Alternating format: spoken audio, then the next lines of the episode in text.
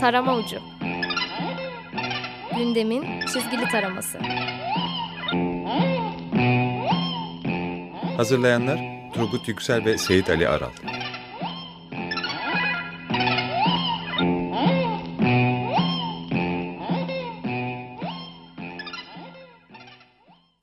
İyi akşamlar. İyi akşamlar.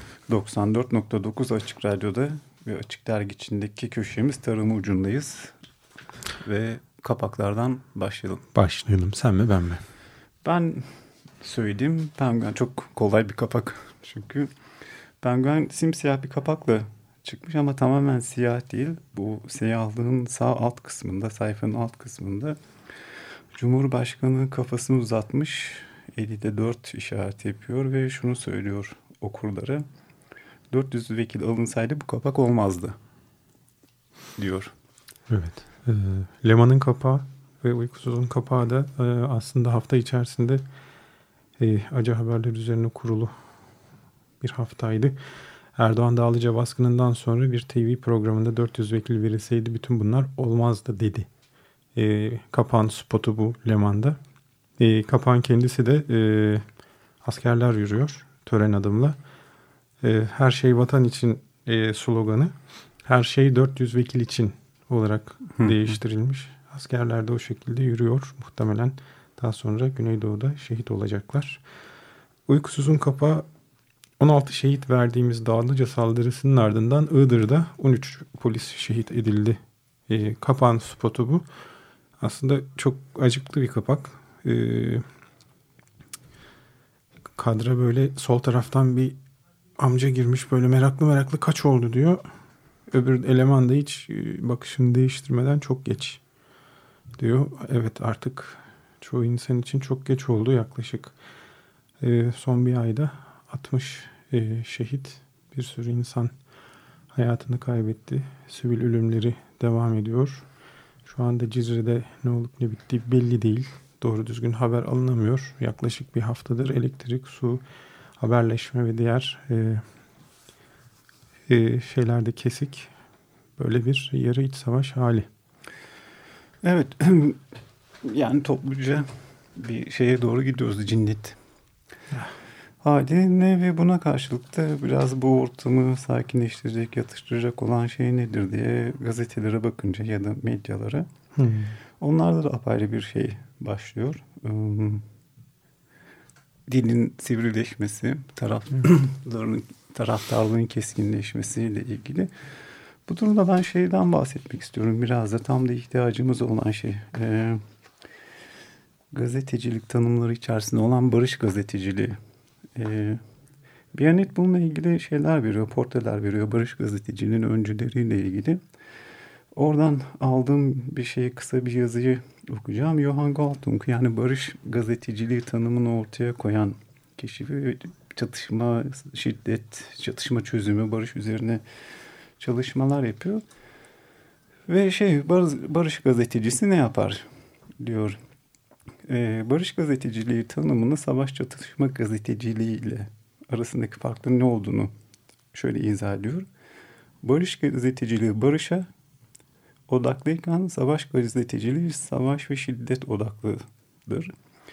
Ee, bunu gerçek yerine propagandaya odaklı olmak, halk yerine seçkine odaklı olmak, çözüm yerine zafere odaklı olmak izliyor. Ve gazetecinin görevi şiddeti ön plana çıkarmak değil, yaptığı haberle sürekli olarak devlet yetkililerine bu taraf ve diğer taraflara bu anlaşmazlık nereden kaynaklanıyor? Bunu nasıl çözmeyi planlıyorsunuz diye sormak ve bunu hatırlatmakta ısrar etmek. Böyle bir şey var mı şu anda? Yok. Tabii. Tam tersine şey skor ve taraf tutmakla ilgili evet. gidiyor. Ve şöyle de izah ediyor, yani izah etmeye devam ediyor. Gazeteci her zaman kendine kimi, neyi haber yaptığını ve kullandığı dilin barışa katkıda bulunup bulunmadığını sormalı demişti. Bu olması gereken bir şey. Peki uygulamaya bakalım.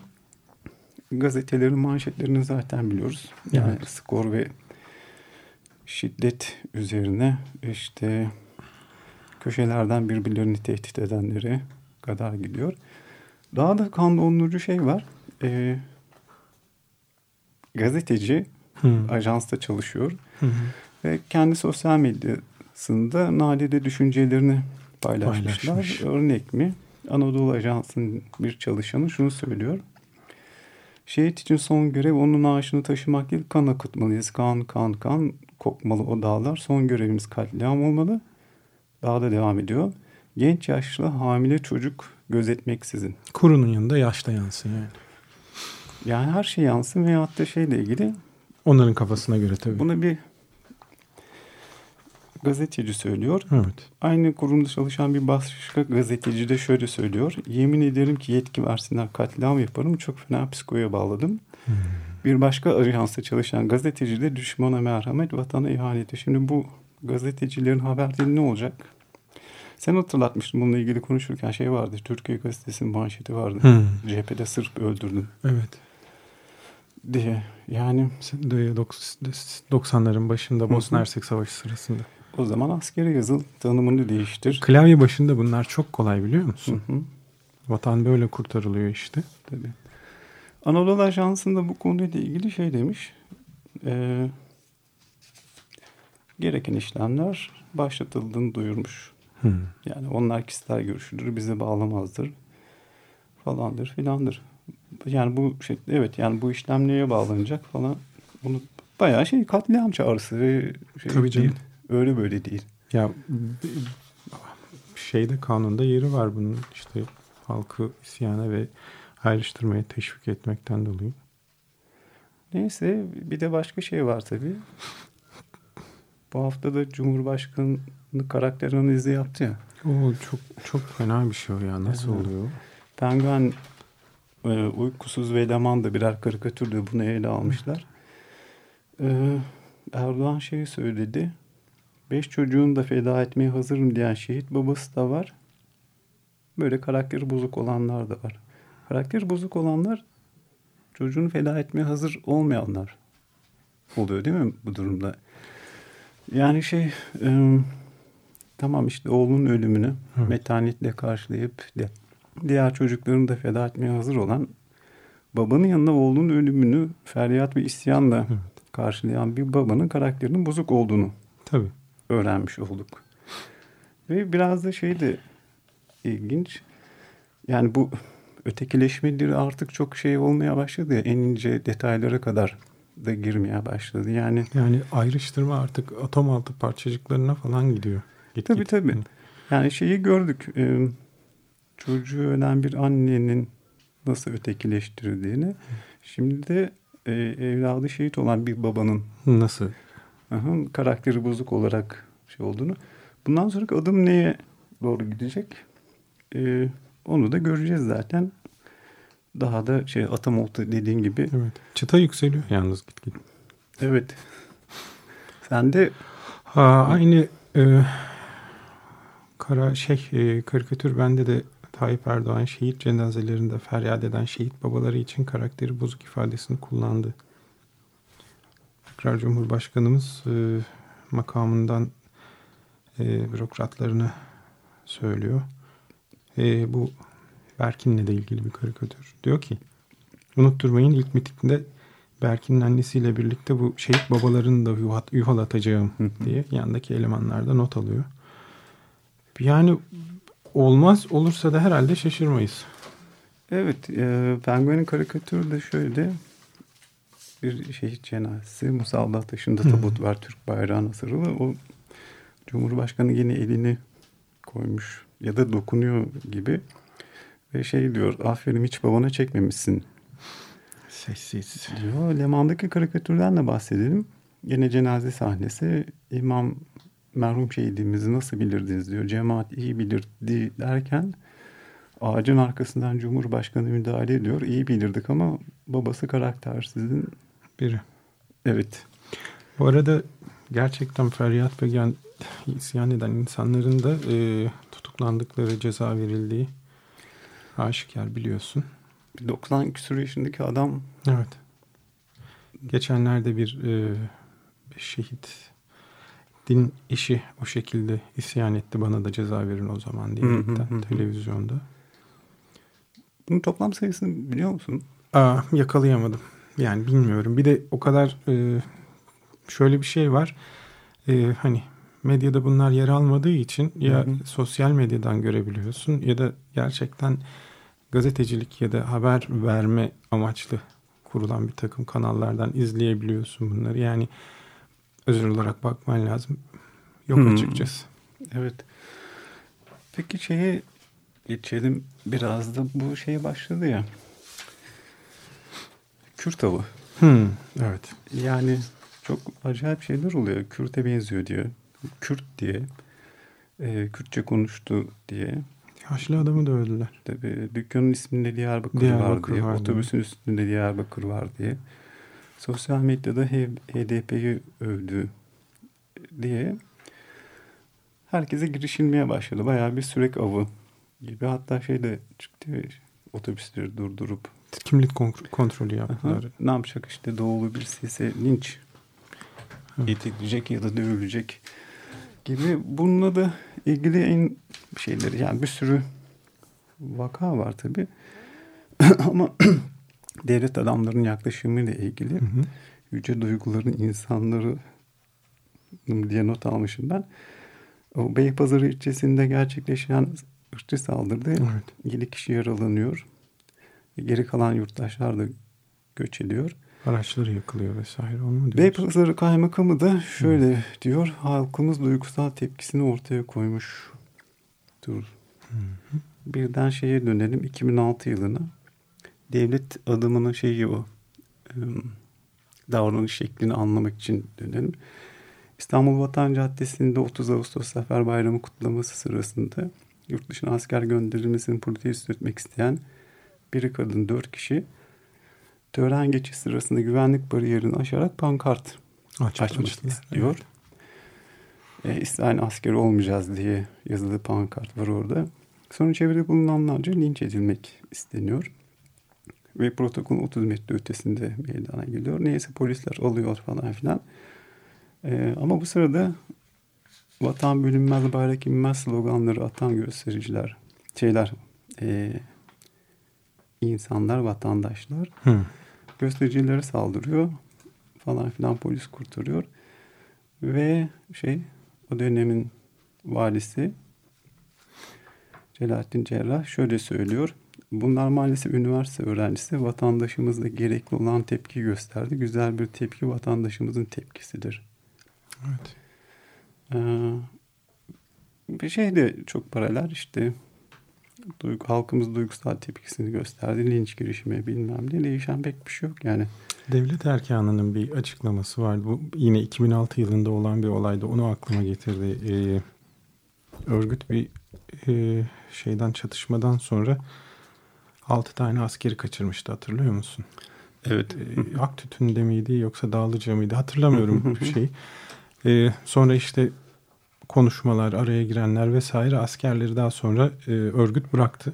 Hı hı. Mehmet Ali Şahin'in demecini hatırlıyor musun? Ee, Tabutların dolu gelmesini Evet, isterdim. canlı döndüklerinden dolayı üzüldüm diye. O sırada da Adalet Bakanı. Adalet Bakanı'ydı tabii tabii. Evet. Yani böyle. Tamam. Peki peki bir de şey var.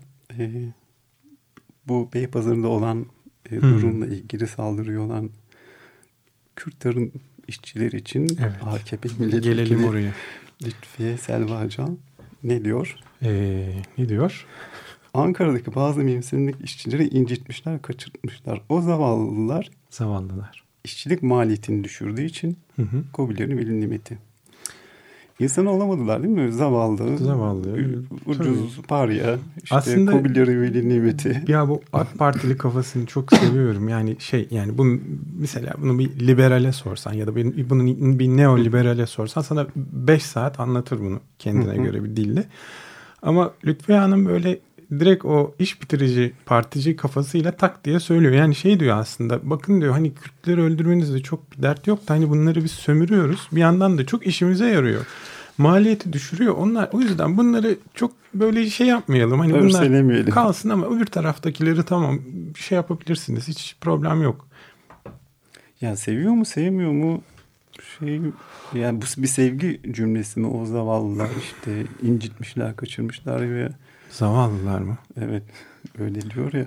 Ya bu, bu, bu nasıl bir kafa bilemiyorum yani böyle Ee, tamam dur şarkıyı bari şeye koyalım. Programın sonuna, Sonuna kapanışa şeyi kesmeyelim. Aa, Dur dur. Yani bazen karikatür çizilmez, karikatür olunur ya. sık sık yaşadığımız hareketli gibi şeyi takip etti mi? Sabah gazetesi haber yaptı. Gerard Depardieu Hmm. e, şey yapıyor. Ülkeden çekip gitmek istiyorum demiş. Bu sabah da ünlü oyuncudan şok sözler. Bu ülkeden çekip gitmek istiyorum başlığını atıyor. Ve şeye de ne blurlaştırıyorlar Hmm. fotoğrafı. Peki cevval okurlarımız Ne demiş? Vatansever okurlarımız ne diyor? Haberi okumuyorlar. Bu adam kimdir, nereden Gerard? Depardieu Fransız Sadece, bir tabii. sinema artisti, Hı hı. aktör. Bu ülkeden çekip gitmek istiyorum kısmı üzerine. Aa, ilk ne duruyorsun? Seni tutan mı var? Senin gibiler. Bu ki. ay ay böyle gidiyor. Ya herkes Kıyamadın değil bu, mi? buruna evet yani hangi birine? Doğru kapı kule. İşte Bağırıyor bunu yazarken de değil mi? Bir de büyük harfle yazınca öyle bağırıyormuş gibi oluyor ya. ha? Caps lock açık kesin.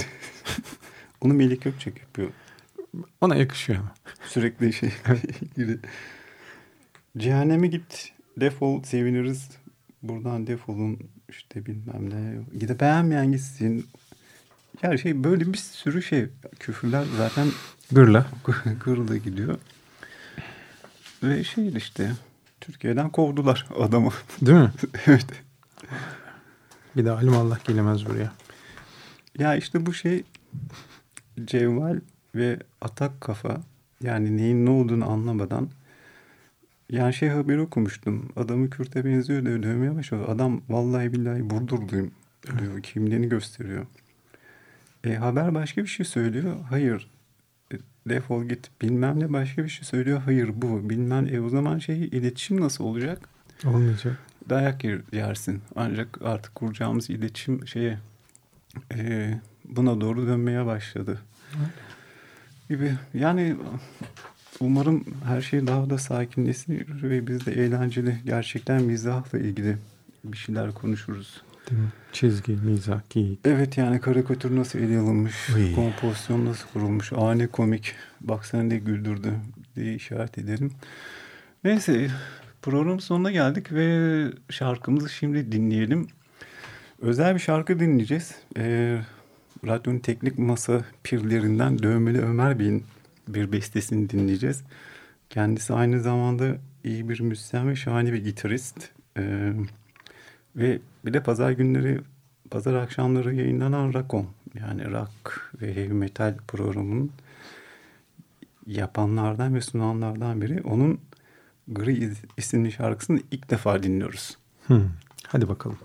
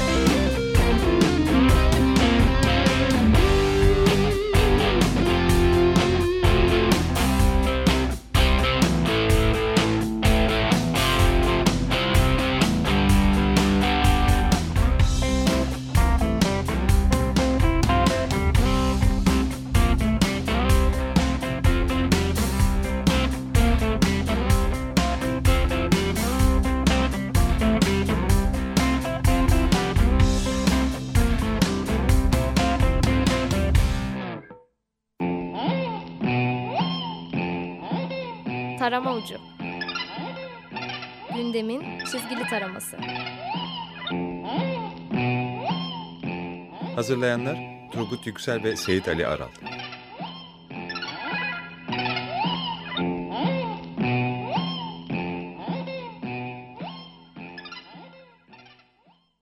Açık Radyo program destekçisi olun. Bir veya daha fazla programa destek olmak için 212 alan koduyla 343 41 41